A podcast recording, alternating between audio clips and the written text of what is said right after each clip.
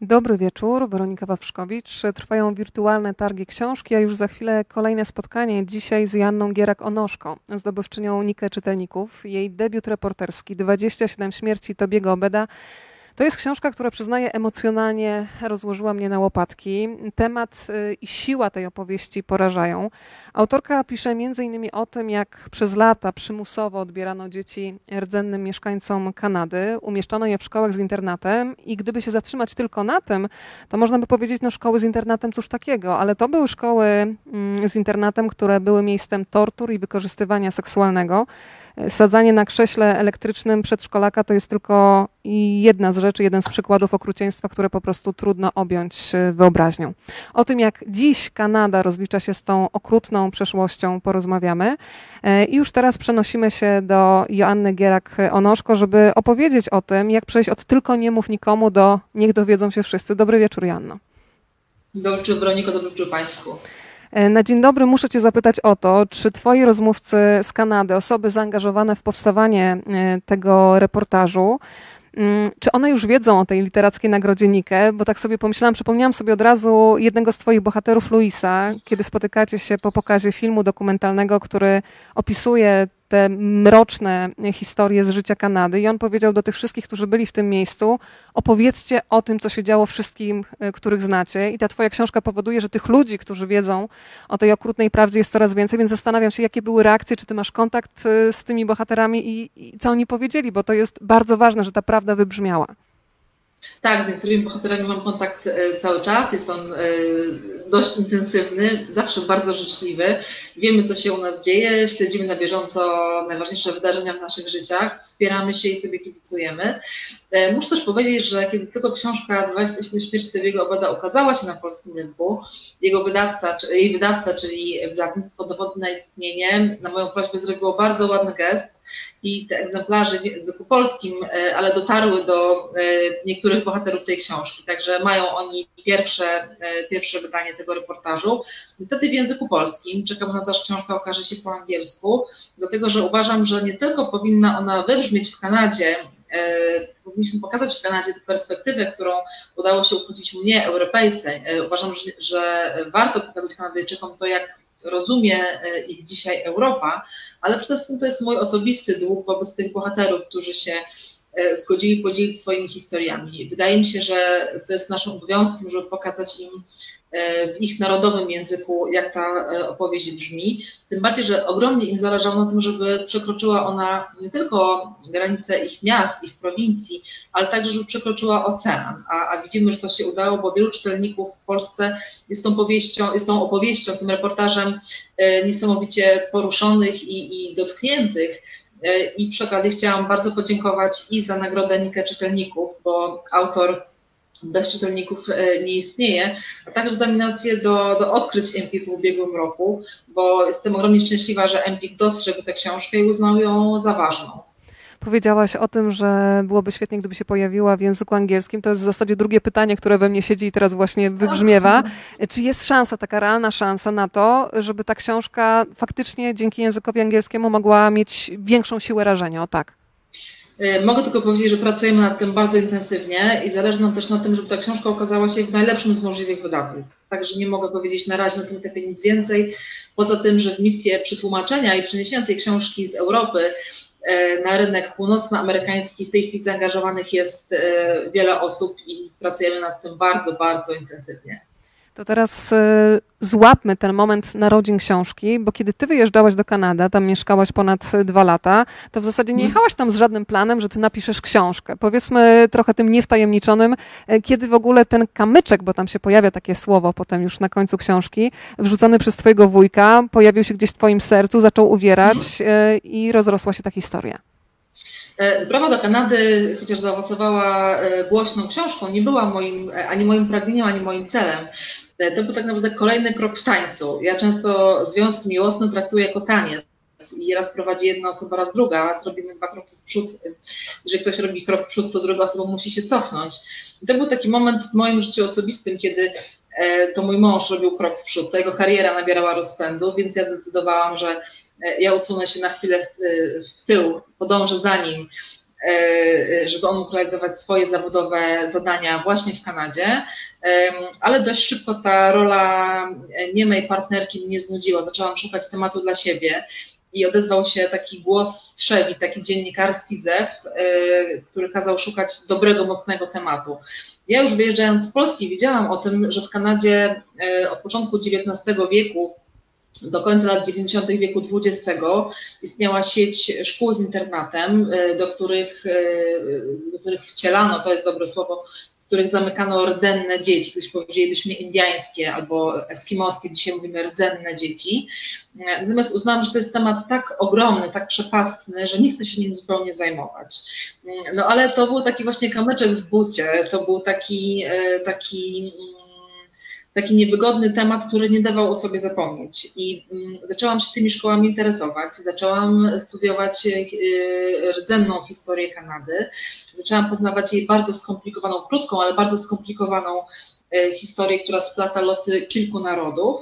No i zobaczyłam, że to jest temat ogromny, to jest temat epicki, uniwersalny, ale brakowało mi bohatera brakowało mi osoby, która będzie dla czytelnika w Europie, w Polsce, który nie interesuje się Kanadą, który nie zna tych wszystkich subtelności, e, która będzie przewodnikiem, z którą będzie można się łatwo utożsamić, będzie można ją być może także polubić. E, szukałam postaci, która nas przez te bardzo trudne historie poprowadzi. I chociaż już e, pracowałam nad książką, powstawały jej pierwsze rozdziały, ciągle brakowało mi tego wiodącego bohatera, aż któregoś dnia to był mroźny listopad w Toronto. E, na pierwszej stronie kanadyjskiego dziennika zobaczyłam niesamowitą fotografię o ogromnym ładunku emocjonalnym. Na tym zdjęciu widzimy dwóch Kanadyjczyków, równolatków. Jednym z nich jest premier Justin Trudeau, wysoki, e, w taliowanym garniturze, uosabiający majestat władzy, a drugim jest Toby Obed, Inuita, kiedyś powiedzielibyśmy Eskimos, pochodzący z Labradoru, ocaleniec z jednej z takich szkół, mężczyźni z dwóch różnych światów, e, których życia, których historie przebiegały diametralnie różnie. I oni byli złączeni w bardzo emocjonalnym, wzruszającym uścisku. Pomyślałam, że to właśnie Tobi Obed, który na tej fotografii przyjmował przeprosiny mm, od premiera e, Kanady, dokonywał takiego symbolicznego aktu pojednania. Pomyślałam, że to właśnie Tobi Obed będzie tym bohaterem, tym przewodnikiem, dzięki któremu polski czytelnik będzie mógł poznać skomplikowaną, wielopoziomową historię Kanady. Tobi jest też takim dowodem na to, że w życiu mamy wiele różnych końców świata. Ja mam wrażenie, że on 27 razy składa te swoje złamane skrzydła i nie wiadomo, czy to nie jest ostatnia śmierć, ta 27. E, teraz się zatrzymam na tym, o czym mówiłaś przed chwilą, że jeszcze kiedyś powiedzielibyśmy tak e, na przykład Eskimosi czy Indianie. Siła tej książki, Jasiu, według mnie polega też na tym, że sama przyznajesz się podczas narracji do wielu wątpliwości, że ty nie jesteś takim wszystko wiedzącym narratorem, tylko sama się mm. mierzysz z, ze sobą i ja jako czytelnik się z tobą identyfikuję i trochę mniej wstydzę pewnych swoich na przykład językowych y, zachowań, które wydawały mi się neutralne i nikogo nie krzywdzące. Okazuje się, że one mhm. takie nie są. Y, ty piszesz też o tym, że zapisałaś się na specjalny kurs o historii współczesności rdzennych mieszkańców Kanady, gdzie uświadomiono ci, no, że w zasadzie mm, brakuje ci wyczucia, że ranisz nie, niechcący i to się zdarza nam mhm. wszystkim. To powiedz, jak to wyglądało. To, to, jest bardzo ciekawe, co mówisz. Myślę też, że tutaj widać Twoje ogromne radiowe doświadczenie, Twoją, twoją dziennikarską wrażliwość, ale myślę, że taka perspektywa nie jest zamknięta tylko dla naszego zawodu, że, że, że to jest umiejętność, umiejętność słuchania, umiejętność takiego ostrego patrzenia, nie jest przypisana tylko do, tylko do naszego zawodu. Kwestia językowa, kwestia e, delikatności w języku nie sprowadza się tylko do, do gramatyki czy do, do używania odpowiednich, odpowiednich słów, dlatego że to jest tak naprawdę emanacja naszej wrażliwości, naszej empatii, a język jest ostatnim ogniwem e, w, w tym procesie. Kanadyjczycy uznali, że proces pojednania, zalepiania, zaklejania tych głębokich e, ran, które dzielą dzielą naród, musi mieć też swój wyraz w języku. E, nie można mówić o pojednaniu, o wybaczeniu, o budowaniu nowej, wspólnej tożsamości bez sięgania do języka, którego, który by łączył. Uznano, że język używany na co dzień, często w sposób automatyczny, jest nośnikiem bardzo wielu emocji. Często w sposób nieintencjonalny może być narzędziem zadawania bólu. Dlatego ogromną uwagę przywiązuje się do tego, jakim językiem mówi się w Kanadzie o rdzennych mieszkańcach tego kraju. Kiedyś powiedzielibyśmy Eskimos, ale już dzisiaj wiemy, że to jest e, łatka przywieziona z zewnątrz. E, to nie jest słowo, którym określają się sami mieszkańcy kanadyjskiej północy. To jest inwektywa, to jest obelga, oznacza po prostu zjadacza surowego mięsa. Nam w Europie, e, często też w Polsce, Eskimos kojarzy się z miłą lodziarnią, tak jak lody miś, ale w Kanadzie to jest słowo obelżywe, którego dzisiaj już nie wypada używać. Tak samo słowo Indianin, które w naszych ustach w Europie brzmi neutralnie, w Kanadzie jest dowodem braku wrażliwości, dlatego że y, y, rdzenni mieszkańcy tego kraju chcą nazywać się tak, jak sami o sobie mówią, czyli rdzenni mieszkańcy Kanady lub, lub Ameryki Północnej, a nie Indianie. No i Kanadyjczycy te e, lekcje z wrażliwości odrabiają bardzo sumiennie, nie tylko w mediach, nie tylko dziennikarze są takimi agentami zmiany, ale także szkoła. To szkoła uczy tego, to szkoła uczy już najmłodsze pokolenie do tego, że język jest e, narzędziem, które może albo dzielić, albo łączyć i każdy z nas może wybrać, e, w którą stronę chce, chce to prowadzić. Ja pamiętam Twoje spotkanie, kiedy rozmawiałeś z Michałem Nogasiem. Powiedziałeś tam takie bardzo ważne zdanie, że według Ciebie zawiedzenie zaufania dziecka to jest jeden z największych grzechów, który nie jest zapisany w tych grzechach głównych, ale on faktycznie taki jest. To powiedzmy dla tych, e, którzy jeszcze nie czytali książki, bo faktycznie, tak jak powiedziałam na początku, kiedy się mówi szkoła z internatem, to z perspektywy mhm. bezpiecznej można powiedzieć, no dobrze, szkoła z internatem, ile osób ma takie doświadczenie za sobą. Mhm. Natomiast e, to, co pokazujesz, e, to, o czym opowiada Tobi chociażby, przypomina wręcz taką obozową rzeczywistość. Dziecko, które mhm. staje się numerkiem, dziecko, które traci mhm. własne ubranie, dziecko, które jest rozdzielane z własnym rodzeństwem. Opowiedz trochę więcej, co tam się działo w tych szkołach. Mhm. Te szkoły to był, to był taki element pewnego procesu y, inżynierii społecznej. Y, przybysze z Europy, którzy chcieli skolonizować Amerykę Północną, mieli dwa na, na to sposoby. Jeden z nich wykorzystywany w dzisiejszej, na terenie dzisiejszych Stanów Zjednoczonych to była wojna. Te ziemie spłynęły krwią, były podbijane, ale ci, którzy urządzali Kanadę na nowo, nie mieli takich środków, nie mieli takich zasobów. Postanowili więc Y, spróbować y, tańszego, ale równie efektywnego sposobu podbicia, zatarcia lokalnej kultury, czyli szkoły. I stąd pojawił się pomysł oplecenia Kanady siecią szkół z internatem, które miały z rdzennych dzieci zrobić y, nowoczesnych Kanadyjczyków, którzy byliby odbiciem europejskiego modelu pracy, wykształcenia. Te szkoły były budowane przy, przy internatach, jeśli internaty były budowane przy szkołach, z dwóch powodów. Po pierwsze, brano dzieci z miejscowości odległych od dużych ośrodków i trzeba było budować bursy, trzeba było gdzieś te dzieci, trzeba było gdzieś tym dzieciom zorganizować e, pobyt.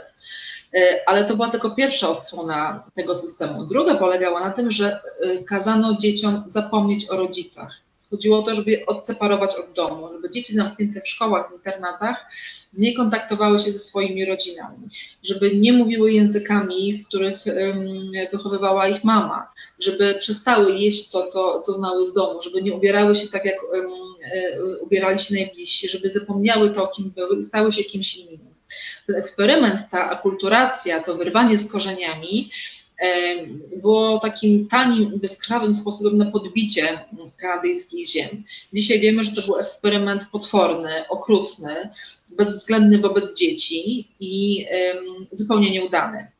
Już od lat 60. ubiegłego wieku, kiedy premierem Kanady był Pierre Elliott Trudeau, czyli ojciec dzisiejszego, e, dzisiejszego premiera Justina Trudeau, e, Kanadyjczycy zobaczyli, że e, ludzie, którzy wychodzą z takich szkół, nie są nowymi Europejczykami, nie są nowymi Kanadyjczykami, są po prostu bardzo poranieni. Dlatego, że te, szkoły zabierały im jedną tożsamość, a ta druga nie umiała się przyjąć. Trzeba też powiedzieć, że, że te szkoły były prowadzone przez ludzi, którzy nie mieli doświadczenia, którzy nie byli pedagogami, którzy nie potrafili sobie radzić z dziećmi. Byli to najczęściej księża i zakonnice, którzy przybyli z Europy, to ich rękoma kolonizowane podbijano Kanadę. Pracowali oni w bardzo trudnych warunkach, także ze względu na klimat. Nie mieli żadnego wsparcia, mieli tylko cel przygotować te dzieci do zbawienia, zatrzeć ich rdzenną tożsamość. Nie mieli natomiast narzędzi, nie mieli mm, żadnego wsparcia pedagogicznego czy psychologicznego. E, bardzo często w takich sytuacjach dochodziło do przemocy. Ci wychowawcy, ci nauczyciele byli bezradni, nie umieli sobie radzić, e, więc sięgali po to, co, co było najłatwiejsze, czyli po przemoc. Te, te, te internaty nie, nie służyły edukacji, tylko służyły łamaniu dzieci. I osoby, które mm, wyszły z takich szkół, nie mówią o sobie, że są absolwentami, mówią, że są ocaleńcami. To też jest ciekawe. Mówiłaś o języku, o wrażliwości na język. W Europie ocalony czy ocalały to najczęściej ktoś, kto przeżył koszmar Holokaustu, kto ocalał po potwornościach II wojny światowej, ale w Kanadzie to słowo ma zupełnie inne znaczenie. Ocaleniec to po prostu ktoś, kto przeżył katolicki, bo większość tych internatów była katolicka, katolicki um, przyszkolny e, internat. E, tytułowy bohater przyszedł akurat przez szkołę, która była powiedzmy cywilną szkołą, prawda, prowadzoną przez organizację dobroczynną, co w kontekście tego, co tam się działo, brzmi jak jakiś ponury żart losu. Przeczytam może fragment Twojej książki mm, i zaraz go rozwinę w pytanie. Kiedy Tobie wspomina szkołę, opowiada obrazami pełnymi szczegółów, choć to wszystko zdarzyło się ponad 40 lat temu. Opowiada o poszczególnych dniach, konkretnych nocach, ale też o tym, co wyniósł w dorosłość ze szkoły. Wciąż się bałem, co snów mi zrobią. Potem już całe życie wyczekiwaliśmy, skąd padnie cios całe życie na czworakach, skuleni. Szkoła minęła, ale skulenie nie. Pokazujesz to, zresztą poruszający jest dla mnie, Janno, taki fragment, kiedy mówisz, że jest przed tobą w zasadzie 47-letni mężczyzna, ale cały czas widzisz w nim to y, zranione dziecko. E, I zastanawiam się, jak ty się też psychologicznie przygotowywałaś do tych rozmów, e, bo nawet kiedy się czyta tę książkę, wiem to też od e, szeregu znajomych, z którymi rozmawiałam, to wiem, że oni sobie dzielili na fragmenty, na rozdziały, bo nie byli w stanie psychicznie, szczególnie te osoby, które mają małe dzieci, unieść tego ciężaru. Czy miałaś jakieś konsultacje, jak na przykład zamykać te rozmowy, które gdzieś tam no, wchodzą w te rany, które już wydawałoby się, że gdzieś się zabliźniły? Jak, jak ty mhm. do tego podchodziłaś? Bo wyobrażam sobie, że to było strasznie ciężkie zadanie psychicznie. Mhm. Mhm. Rzeczywiście Tobie Obet i inni ocaleńcy y, z tych szkół, którzy zgodzili się na rozmowę ze mną, podkreślali to, że chociaż szkoły skończyły się dawno, dawno temu, to to dziedzictwo, ten ciężar, te demony, które wpędzili w nich wychowawcy, są aktywne do dzisiaj. Że te szkoły zaważyły często w bardzo trudny sposób na, na całym ich życiu, ich i ich rodzin. Rozmowy z, z tymi bohaterami były obciążające przede wszystkim dla nich, ale także, mm, także dla mnie, dla, no, dla każdego reportera pomagało mi to, że ci bohaterowie chcieli opowiadać, chcieli mówić. To nie było tak, że ja e, naciskałam, zresztą nie mogłabym, etyka zawodu nie pozwala na to, żeby zmuszać czy nakłaniać bohatera do e, wyznań wbrew jego woli. E, więc to był taki pierwszy warunek do tego, żeby te rozmowy mogły się udać, żeby ta opowieść wpłynęła wartko. Chociaż muszę powiedzieć też, że w książce znalazły się tylko niektóre rozmowy, dlatego że co często w pisaniu reportaży, część takich rozmów e, kończy się wycofaniem zgody, albo urywa się w pewnym momencie, albo jest zbyt dużo wątpliwości, albo bohater odpływa w inną stronę, ta opowieść idzie, toczy się w inną stronę niż na początku e, zamierzaliśmy, więc bardzo wiele tych e, rozmów zwyczajnie się nie udaje. I to, co Państwo e, widzą w książkach reporterskich, znaczy się tylko może nie ułamek, ale na pewno nie całość pracy, którą wykonał reporter, żeby pokazać taką dane zjawisko. Więc ci bohaterowie byli na szczęście otwarci na rozmowę i to ułatwiało kontakt. Natomiast reporterzy w Polsce nie mają żadnego przygotowania do tego, żeby prowadzić takie rozmowy z bohaterami po traumie. Ja miałam okazję korzystać z pomocy pani Hanny Samson, psycholożki, psychoterapeutki, która prowadziła fantastyczne warsztaty w Polskiej Szkole Reportażu. E, przy Instytucie Reportażu.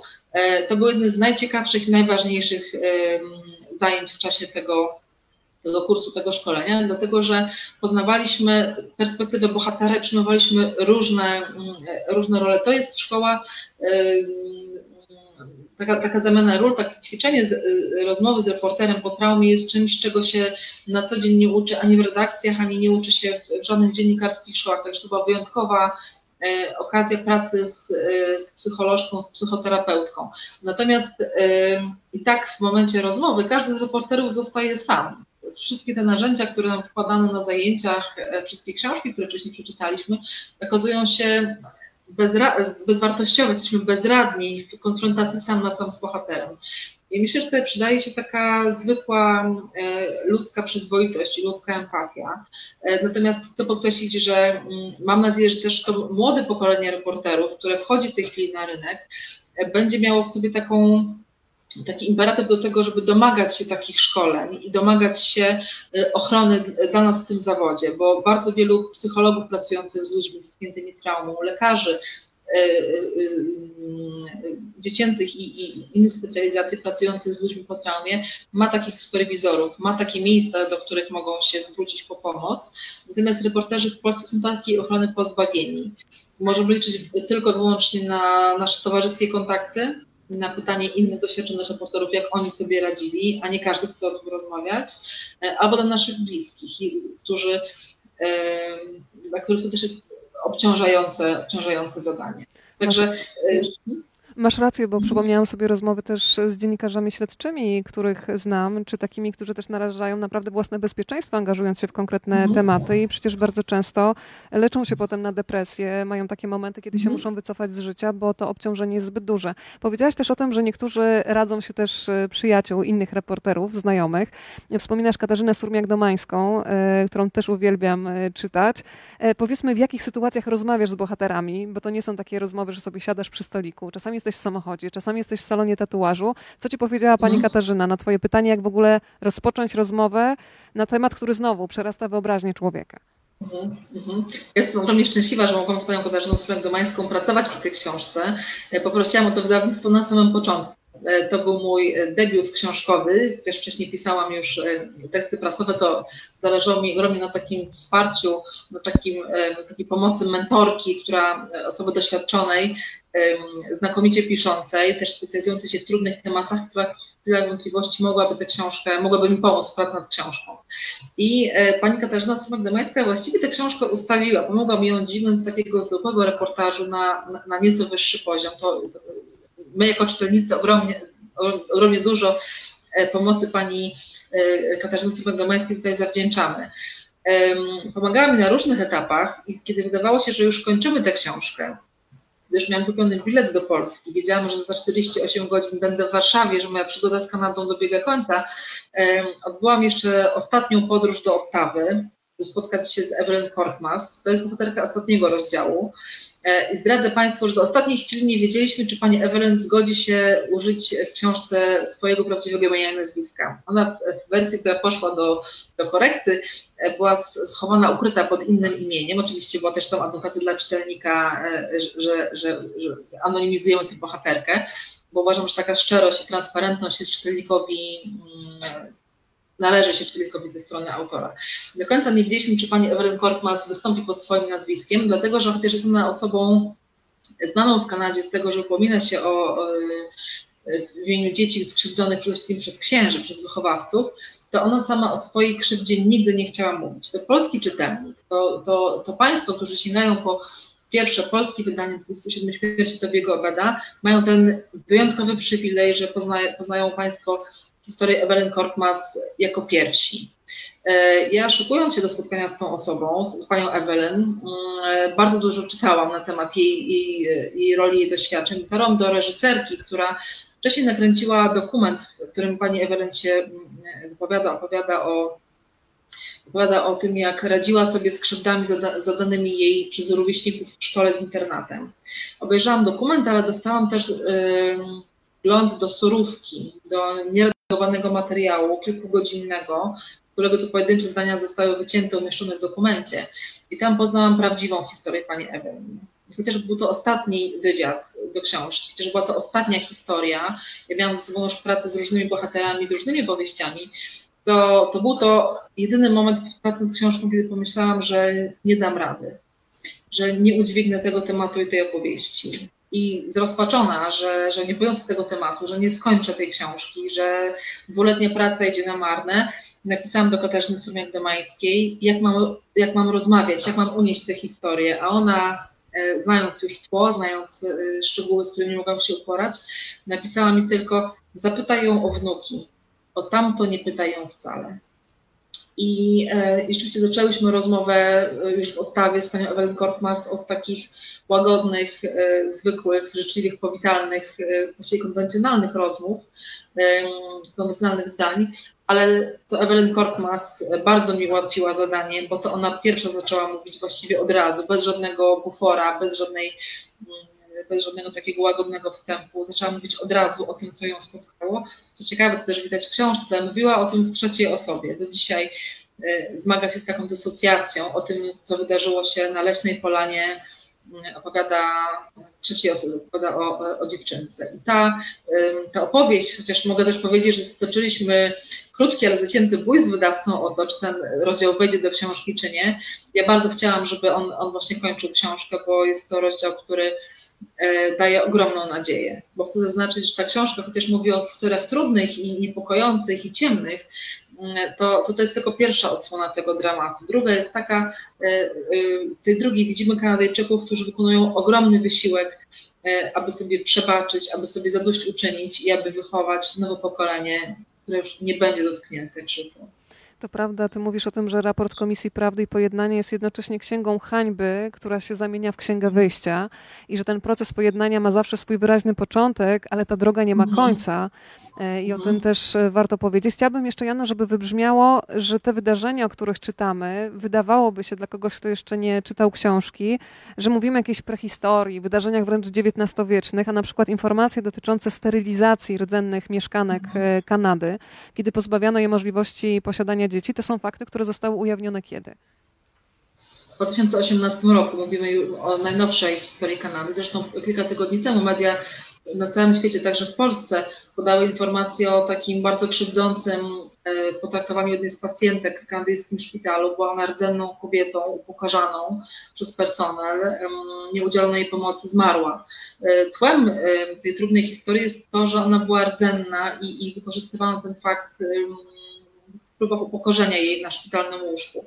I to, to jest mm, przypadek być może nieodizolowany, który pokazuje, że do dzisiaj Kanada mierzy się z, z, z, trudnościami, że praca nad tym, nad pojednaniem nie jest zakończona. I tak to, co powiedziałeś przed chwileczką, że jest wyraźny początek, ale nie ma końca, to pokazuje, że Kanadyjczycy wykonali ogromną pracę, ale ten proces się rzeczywiście nie zakończył. On się, on się musi domykać, trzeba pracować każdego dnia w szpitalach, w szkołach, w urzędach w domu, w kuchni.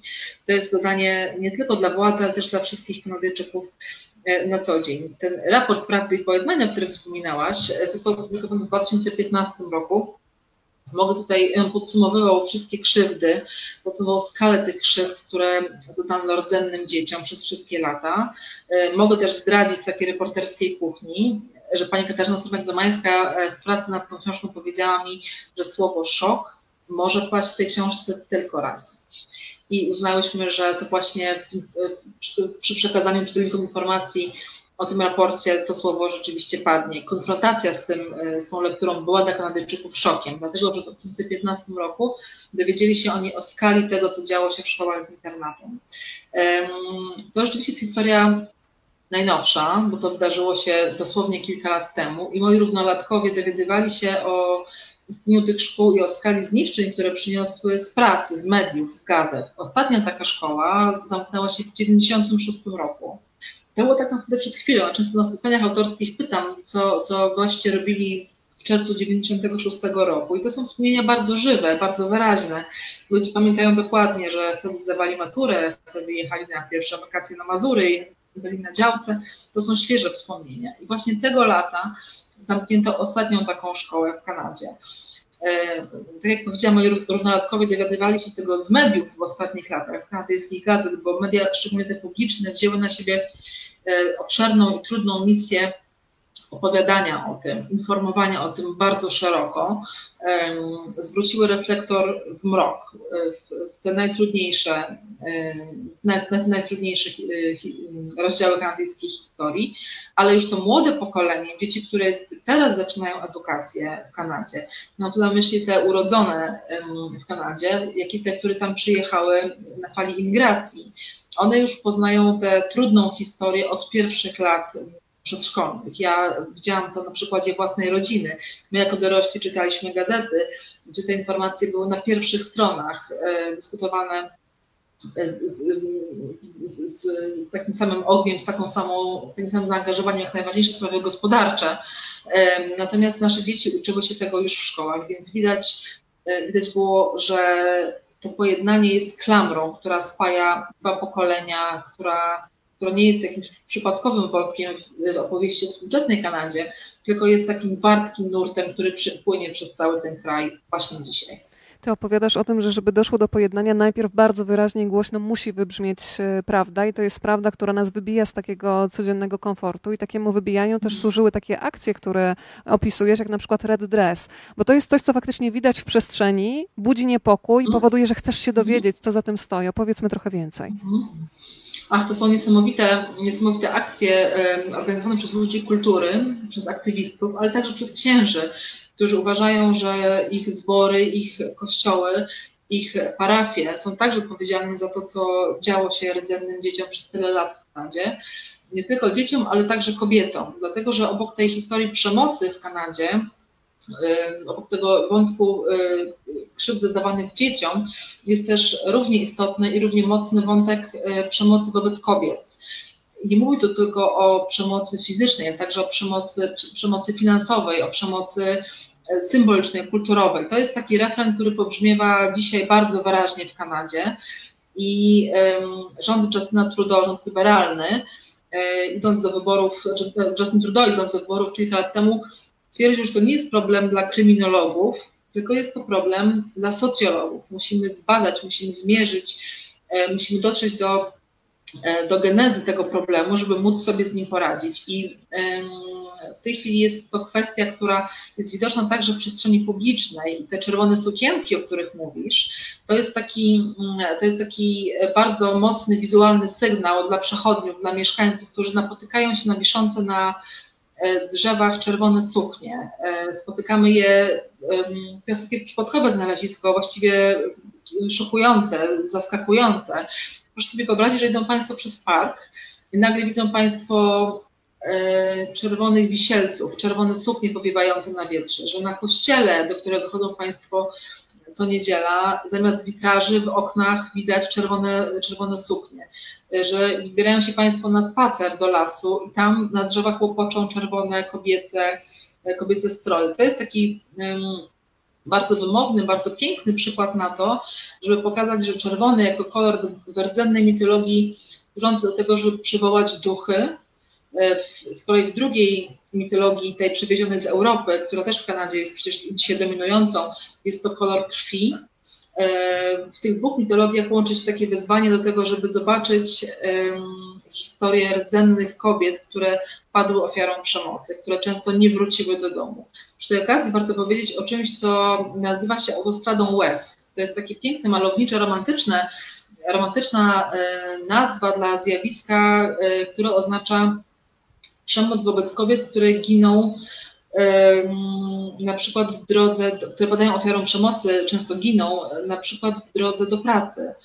I nie chodzi tylko o to, że są one ofiarami ataków, ale także chodzi o to, że nikt ich nie szuka, że policja jest wobec, wobec nich niezbyt gorliwa, dlatego że panuje w szeregach policyjnych taką, takie przekonanie, że rdzenne kobiety często nadużywają alkoholu um, i, i um, i za jakiś czas wrócą. Kiedy wytrzeźwieją, to wrócą do domu. Tymczasem to jest takie bardzo rasistowskie, bardzo, bardzo krzywdzące podejście. Tymczasem często e, okazuje się, że takie kobiety padły ofiarą napaści, bo w wielu społecznościach są traktowane jako dobro szybko zbywalne. To jest problem, który został przyniesiony do Kanady na fali kolonizacji, e, z którym Kanada się do dzisiaj nie może, nie może uporać. I nie jest to kwestia marginalna, tylko jest jeden z najważniejszych tematów kanadyjskiej debacie publicznej. Koniec, jak skończyć z przemocą wobec kobiet. Joanna, ty piszesz o ofiarach, piszesz o sprawcach, a dla mnie jeszcze chyba najmocniejszy w tym wszystkim jest ten wątek jakby współsprawców, którzy nie są w taki namacalny sposób zaangażowani, czyli to nie jest ta ręka, która mhm. naciska na przykład dźwignię krzesła elektrycznego, mhm. to nie jest człowiek, który zmusza dzieci do stosunków seksualnych, tylko są to ci wszyscy ludzie, którzy milczą, albo na przykład mhm. widzą, że u sąsiadów nagle zniknęła dwójka dzieci. One no nie, nie wyparowały, ale nie zadają sobie takiego trudu, żeby zacząć poszukiwać i zacząć y, dowiadywać się, co się stało z tymi ludźmi, którzy przecież byli ich sąsiadami. I tak jak myślę, że to, co napisałaś, jest książką o Kanadzie, ale nie tylko, to na pewno książką o Kanadzie, bo przecież te wszystkie wydarzenia możemy przekładać na rzeczy, wydawałoby się oczywiście w tym ciężarze gatunkowym znacznie mniejsze. To są sytuacje mhm. mobbingowe w korporacjach, gdzie wszyscy wiedzą, ale nikt się nie mhm. odzywa. E, jak duży był odzew, e, jaki otrzymałaś od czytelników, którzy tę opowieść o Kanadzie, przefiltrowali przez siebie i przełożyli na swoją rzeczywistość albo narodową w Polsce, ale też takie sytuacje, kiedy się trzeba zmierzyć z własną historią i z tym, że każdy z nas ma guzik dobra i zła gdzieś fabrycznie wmontowany, wystarczy nacisnąć. Tak, to jest niesamowite, że to zauważyłaś, dlatego że to wcale nie jest opowieść tylko o Kanadzie. Kanada jest taką figurą, która nas, dzięki której poznajemy historię przemocy i e, sposoby na zatrzymanie jej. Myślę, że, że odzew, taki, takie ciepłe przyjęcie wśród czytelników w Polsce, ta książka zawdzięcza także temu, że ta opowieść o złu i o mechanizmach władzy, o mechanizmach przemocy, że to jest opowieść rzeczywiście uniwersalna. I taką pokusą i takim bardzo łatwym zabiegiem literackim byłoby napisać o sprawcach, o tych, mm, których nazywasz tymi, którzy pociągają za, e, za bajkę, czy tymi bezpośrednimi krzywdzicielami.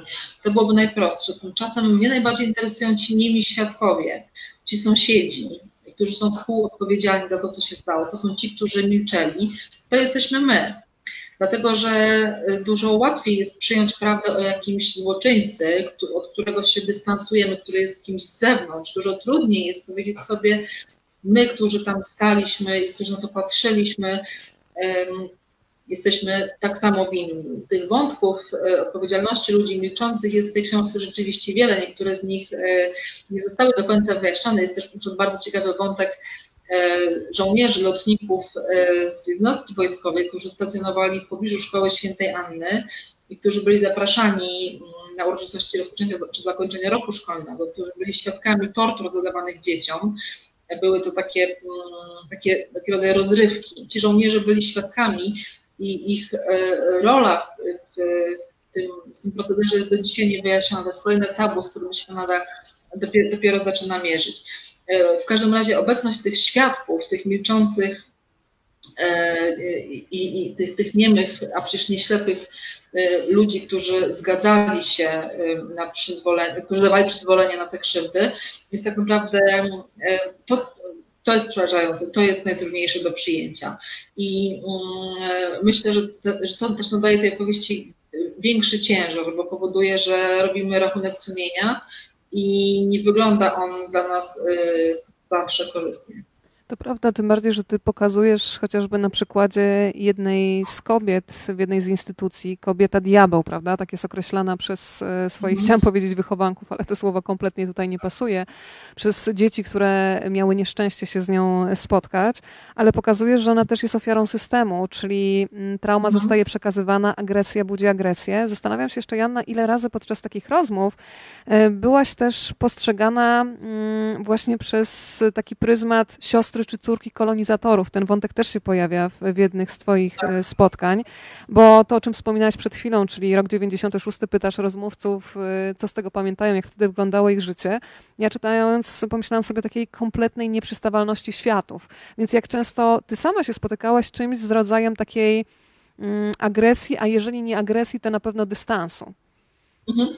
E, ten dystans w początku był bardzo dobrze zauważalny, e, dlatego że reporterka z Polski nie była tam mile widzianym gościem. Moi, moi rozmówcy, bohaterowie tej książki nie mieli żadnego interesu w tym, żeby ze mną rozmawiać. Ja nie mogłam e, zmienić ich życia, nie mogłam nagłośnić ich sprawy, nie mogłam polepszyć ich losu. To zresztą jest jeden z, jedna z takich tragicznych okoliczności losu, losu reportera, dlatego że bardzo rzadko książki reporterskie zmieniają świat naszych bohaterów na lepsze. I myślę, że trzeba być wobec naszych rozmówców absolutnie uczciwym, powiedzieliśmy to na samym początku. To nie jest reportaż interwencyjny. To jest książka, która być może poruszy czytelników, ale w Twoim życiu e, niczego na lepsze nie zmieni. Być może Ci zaszkodzi, być może spotkasz się z jakimiś przykrościami, ale ta książka Ci w niczym nie pomoże. Więc takie postawienie sprawy też nie ułatwiało dotarcia do rozmówców i nie ułatwiało nakłonienia do tego, żeby opowiadali o swoich najtrudniejszych przeżyciach. Mm, natomiast ja byłam wobec nich absolutnie transparentna i mówiłam, że mieszkam w Kanadzie od niedawna i chcę się nauczyć, chcę zrozumieć.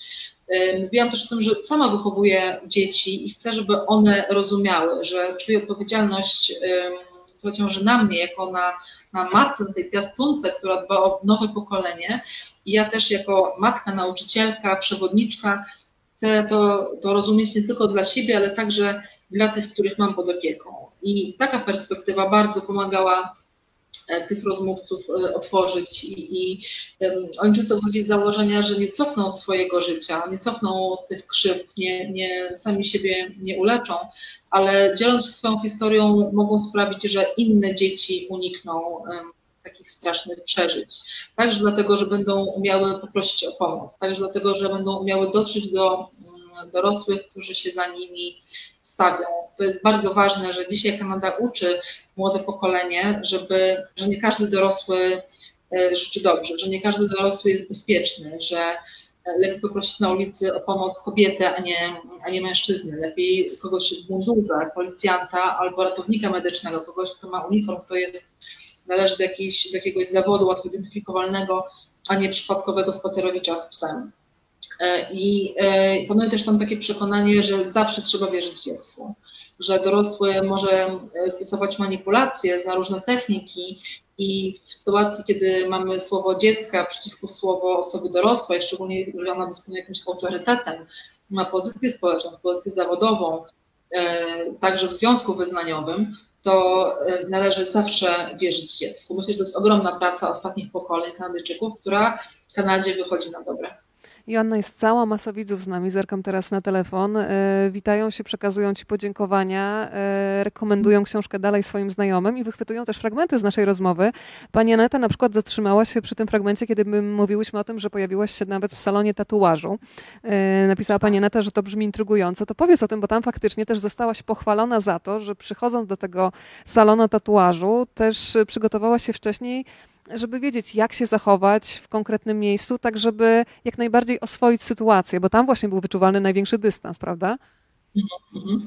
E, przeczytałam taki artykuł pracowy o Tobim Sixie, e, artyście, który założył wtedy tatuaże, który nazywa się Indigenous. Zachęcam Państwa do tego, żebyście znaleźli je na Facebooku i, i śledzili te niesamowite tatuaże, niesamowite prace, które w salonie Indigenous powstają. To jest taka gra słów, bo Indigenous znaczy rdzenny, a ink to jest po prostu tusz wykorzystany przez, przez tatuażystę.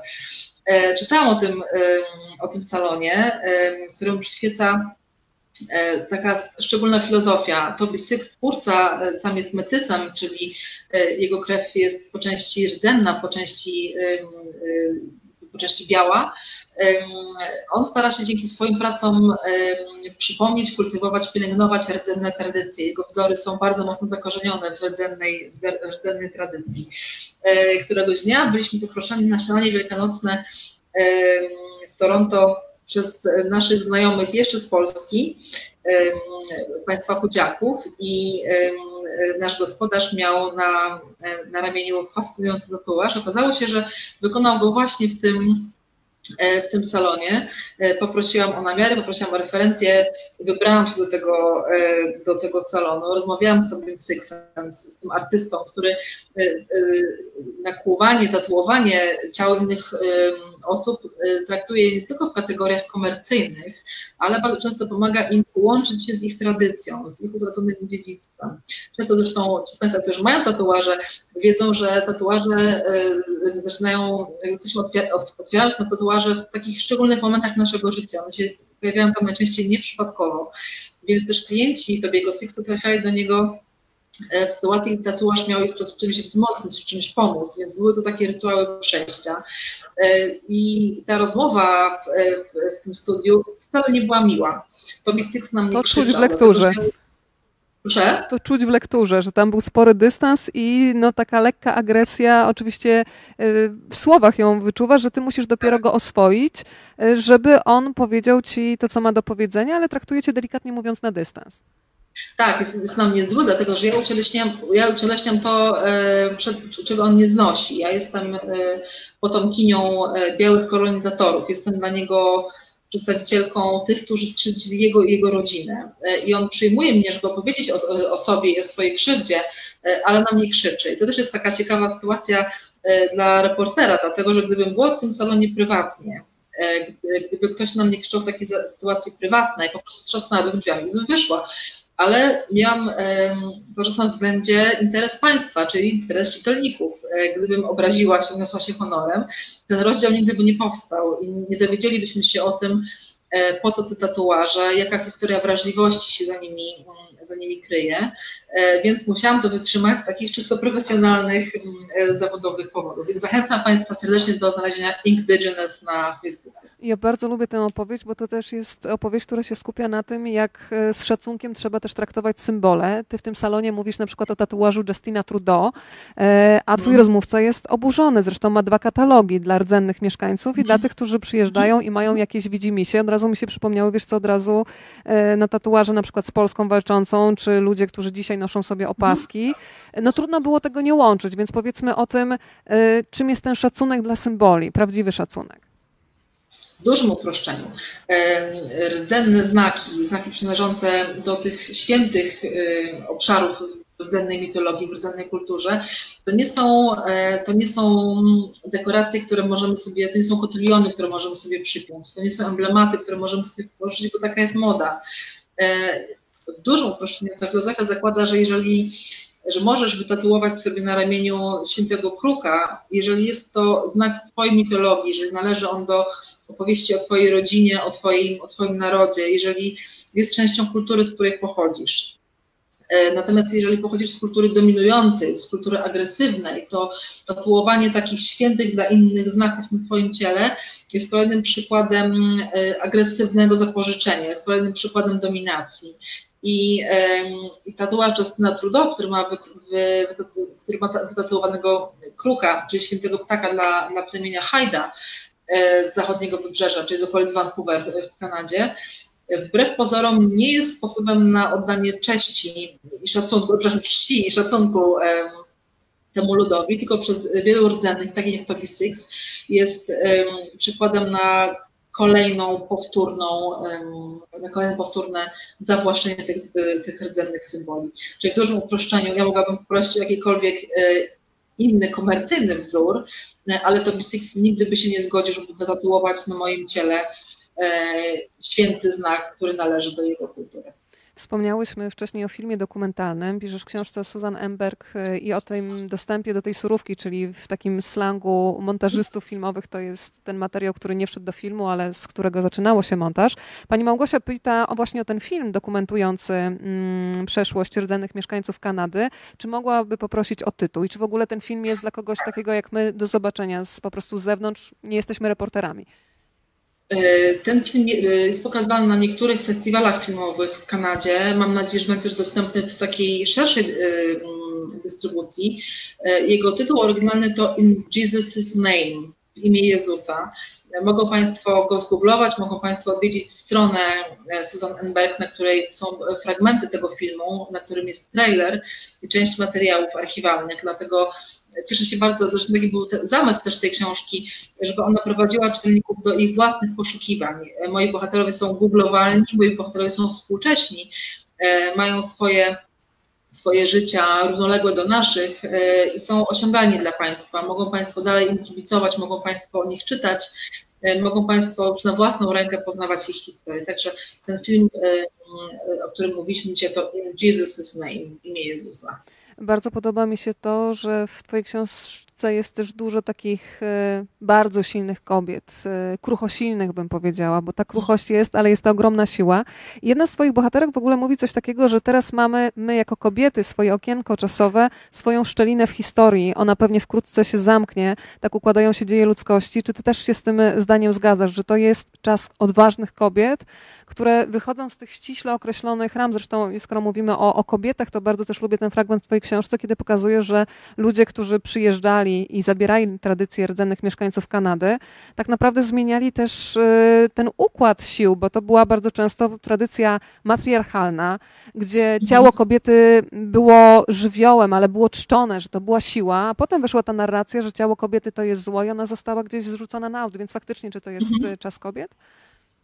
Tak, rzeczywiście w Kanadzie mamy teraz takie silne prądy feministyczne, też powiązane często z, z, z renesansem rdzennej, rdzennej kultury czy rdzennej e, perspektywy, ale ten feminizm w Kanadzie jest bardzo konstruktywny.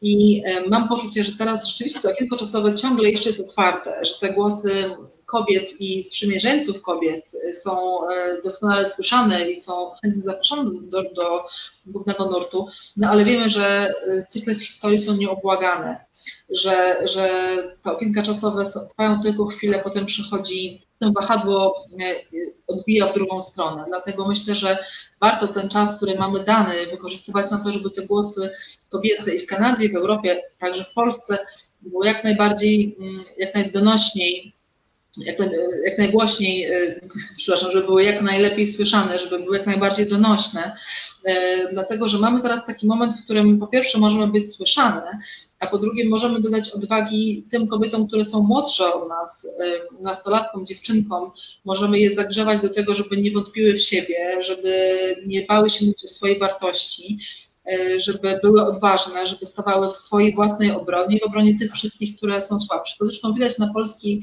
na polskiej scenie, także politycznej, że mamy teraz czas wspaniałych, wyjątkowych, dzielnych, odważnych polityczek, posłanek, adwokatek, prezydentek miast. To jest czas sprzyjający kobietom, ale wiemy, że nie trwa on wiecznie, dlatego myślę, że warto, żeby te głosy, żeby to echo e, idące za głosami niosło się jak najszerzej, a to jest zadanie E, które, e, które jest dla nas wszystkich. My, my się we dwie tutaj z tym nie uporamy. To jest zadanie dla Państwa e, i dla nas także na wiele, wiele następnych lat. Kiedy czytałam 27 śmierci Tobiego Obeda, to zaznaczyłam sobie też taki wątek, który z przyjemnością bym przełożyła na ten grunt polski, że kiedy chcemy o czymś rozmawiać i walczyć o to, żeby ta nasza ojczyzna była lepsza po prostu, żeby to był kraj lepszy do życia, to warto być przygotowanym do dyskusji. Ty piszesz o tym, że w Kanadzie, jeżeli się rozmawia na jakiś temat, na temat, na, na przykład na temat y, raportu Komisji Prawdy i Pojednania, to wcześniej się dostaje konkretną cegłę do przeczytania, a potem w określonym gronie się siada i siada się, ponieważ ma się wiedzę i potem można ją interpretować. E, no a w Polsce mam wrażenie, że często mamy taką dyskusję, nie wiem, ale się wypowiem. E, jest mhm. to dyskusja, która jest bardzo emocjonalna, często pozbawiona argumentów. Myślisz, że jest w ogóle taka szansa, żeby takie dyskusje właśnie toczyły się w domach mhm. kultury, e, żeby to były jakieś takie połączenia pomiędzy politykami, organizacjami pozarządowymi? Jest nadzieja, czy, czy to jest utopia w naszych warunkach? Ja jestem optymistką, myślę, że jest nadzieja, ale ona sama się nie zmaterializuje. Tutaj bardzo dużo zależy od nas. Te książki, o których mówiłaś, to była nasza praca domowa w Kanadzie, bo ja uznałam, że e, z szacunku do bohaterów, także z szacunku do państwa, czytelników w Polsce, muszę się doskonale przygotować. Muszę odbyć szereg kursów, muszę bardzo dużo tych historii wiedzieć, żeby móc ją Państwu po swojemu opowiedzieć. I spotykaliśmy się raz w miesiącu po lekturze jednego z kolejnych tomów raportu Komisji Prawdy i Pojednania, czyli tej szokującej lektury, która pokazywała e, ogrom krzywd, ale co ciekawe, nie dyskutowaliśmy o treści tych, e, tego raportu, bo to już było skończone, to już było zamknięte, nie dyskutowaliśmy o faktach.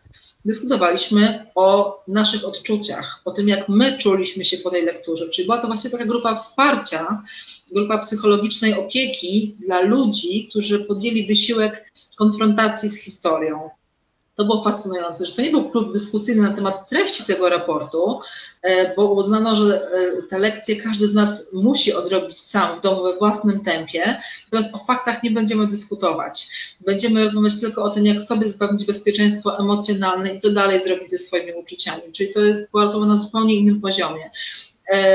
Bardzo pouczająca, bardzo ciekawa i wydaje mi się, że to właśnie takie spotkania, nie tyle o treści, tylko o tym, co wokół książki, to coś, czego bardzo dzisiaj nam potrzeba. Takie spotkania jak, to, które, jak te, które prowadzisz ty i inni znakomici dziennikarze w ramach wirtualnych targów książki Empiku, to jest właśnie doskonały przykład na to, że można mimo tych trudnych pandemicznych czasów spotykać się i rozmawiać o rzeczach ważnych, bo chociaż wydaje się nam, że jesteśmy tylko we dwie w tym, w tym, w tym dialogu, to wiem, że słuchają nas inni i że ta rozmowa, ta książka, ta opowieść dotknęła też bardzo wiele innych osób. I zachęcam tych, którzy nas dzisiaj słuchają, tych, którzy nas obejrzą za jakiś czas, żeby nie rezygnować ze spotkań online, dlatego że to jest taki uniwersytet otwarty, to jest dialog, który się nigdy nie kończy i warto warto nie zamykać się tylko w książkach, w lekturach, ale warto otworzyć też na historię o książkach, bo pozornie rozmawiamy o tekście, a tak naprawdę e, zawsze wychodzimy z literatury do życia prawdziwego, do życia non-fiction. Także cieszę się bardzo, że mogę dzisiaj być tutaj z Tobą i z Państwem, bo rozmawiamy pozornie o reportażu, tak naprawdę o wielu innych bardzo ważnych kwestiach. Joanna, im dłużej Cię słucham, tym y, bardziej myślę o tym, że bardzo bym chciała, żeby tacy nauczyciele jak Ty byli w szkole i opowiadali Ach. o rzeczywistości. Mówię to z całego serca. Swoją drogą po dzisiejszej transmisji Ty sobie zajrzyj, ile tam jest komentarzy i podziękowań, które płyną w y, Twoją stronę. Y, myślę, że to będzie też taka siła, która jest potrzebna reporterowi, że to, co napisał, co stworzył, co kosztowało go tyle wysiłku, żyje w, w ludziach i oni sami, tak jak powiedziałaś, robią sobie taki rachunek sumienia i pytają, czy mają w sobie odwagę. Bo są decyzje, które podejmują twoi bohaterowie, które mają konsekwencje. Wspominasz lekarza, który mm, jako jeden z nielicznych odważa się napisać o tym, co, co się dzieje, traci pracę. Mhm. Ale to jest cena między innymi, jaką warto zapłacić za ocalenie człowieczeństwa, bo tak bym to nazwała. Mhm. E, powiedziałyśmy o Justinie Trudeau i o tym, że miał w sobie taką siłę, żeby przeprosić, żeby płakać e, z pokrzywdzonymi, ale też piszesz o tym, że po tych słowach też nie będzie mu łatwo, bo dochodzi gospodarka. Tam jest na przykład kwestia rurociągu, który znowu będzie przechodził przez e, te tereny należące do rdzennych mieszkańców. Jak myślisz, jak e, no, z takiej sytuacji Justin Trudeau wyjdzie, bo tutaj mamy z jednej strony słowa, które są bardzo ważne, zrozumienie, mhm. e, przeprosiny, które nie padły nie, niestety ze wszystkich ust, tutaj jest znaczące milczenie mhm. stolicy apostolskiej, no ale wchodzi też gospodarka i to takie zdanie, które też tam jest, wszyscy musimy z czegoś płacić rachunki. To jest e, bardzo, mhm, mhm, to jest bardzo trudny problem. To jest ogromny dylemat, jak pogodzić, jak przeprowadzić pojednanie, jak e, połączyć tych podzielonych ludzi, nie tylko na poziomie symbolicznym, także na poziomie materialnym. I okazuje się, że to pojednanie musi mieć swój wymiar finansowy, bardzo konkretny, a sposobem, żeby to zrobić, nie są tylko łzy premiera, ale jest gospodarka. I Kanada sobie z tym radzi, Kanada próbuje podzielić się swoimi dobrami w sposób sprawiedliwy, ale jest to bardzo trudne, bo to znaczy, że musimy, że, że, że musimy się posunąć na ławce, musimy zrobić komuś innemu miejsce przy tej rzece młodem, miodem i mlekiem płynącej. Kanada te prace wykonuje, ale jest ona bardzo trudna. Też pokazuje, że, że sam proces pojednania może pięknie brzmieć na sztandarach, ale tak na co dzień de facto e, jest to proces bardzo trudny i wymagający wielu, wielu wyrzeczeń na różnych poziomach. Ale to nie znaczy, że trzeba z niego z niego rezygnować. Ja teraz nie widzę komentarzy, o których mówisz. Jest mi bardzo miło, jeżeli one się tam pojawiają i chciałam podziękować tym z Państwu, którzy ten wysiłek e, podjęli, dlatego że e, to dzięki Państwu ta książka żyje, to dzięki Państwu ta opowieść jest żywa, e, dlatego że to Państwo mieli w sobie tą potrzebę, wrażliwość i imperatyw do tego, żeby po tę historię sięgnąć jej nie odłożyć i, i się z nią zmierzyć. I chciałam tym z Państwa, którzy po tę książkę sięgnęli, bardzo, bardzo podziękować za odwagę konfrontacji z, ze sprawami trudnymi, za czas, który Państwo, za myśli, które Państwo tym bohaterom poświęcili, e, no bo autor bez czytelników nie istnieje. To na koniec jeszcze, Janna, taki wątek, który myślę, że jest nam bardzo w Polsce potrzebny. Jest taki fragment w, twojej, w Twoim tekście, kiedy piszesz, że latem 2018 roku jeden z Twoich bohaterów, Edmund, otrzymuje wiadomość, ma być przedstawiony do Orderu Kanady, najwyższego cywilnego odznaczenia w państwie. E, można e, to odznaczenie otrzymać za szczególne osiągnięcia i zasługi za oddaną służbę krajowi. E, I on dostaje prawo noszenia tego orderu z napisem dla tych, którzy pragną lepszej ojczyzny. I jego mhm. patriotyzm, to jest bardzo ważne, Kanada widzi między innymi w tym, że Edmund jest człowiekiem, który zaczął bić na alarm. I pomyślałam sobie mhm. o takich klaustrofobicznych sytuacjach, z którymi się spotykamy w polskiej rzeczywistości, że zauważanie błędów jest odbierane i od razu ujmowane w taką narrację nie kalaj własnego gniazda. A tutaj właśnie trzeba nazywać błędy i to jest ten patriotyzm, że chcemy lepszej ojczyzny. E, I to jest kolejny uniwersalizm, gdzie twoja książka przekracza granice Kanady i każdy może ją sobie implementować w swoich małych, większych społecznościach. Tak, ci z Państwa, którzy nie czytali książki, powinni teraz się dowiedzieć, że Edmund Mutatałabin, który dostał ten najwyższy, najwyższe odznaczenie, dostał je za to, że pozwał swoją ojczyznę, żeby toczył proces, stanął na czele procesu e, przeciwko kanadyjskiej e, władzy, która zaniedbała dzieci zamknięte e, w szkole świętej Anny. Jego patriotyzm, jego umiłowanie ojczyzny, a przede wszystkim ten imperatyw do tego, żeby Kanada stała się lepsza, władza po latach zobaczyła w tym, że Edmund zaczął bić na alarm, że stał się rzecznikiem tych, którzy byli pokrzywdzeni i przez wiele, wiele lat nie mieli, nie mieli głosu. Myślę, że to jest, e, to stawia często na głowie nasz, e, nasze rozumienie patriotyzmu. że w Europie, szczególnie w Polsce, mamy zupełnie inne rozumienie miłości ojczyzny i odpowiedzialności za ojczyznę. Jest to często takie państwowotwórcze, takie e, oparte na powstańczych mitach. E, tymczasem Kanada widzi to w sposób dużo bardziej pozytywistyczny.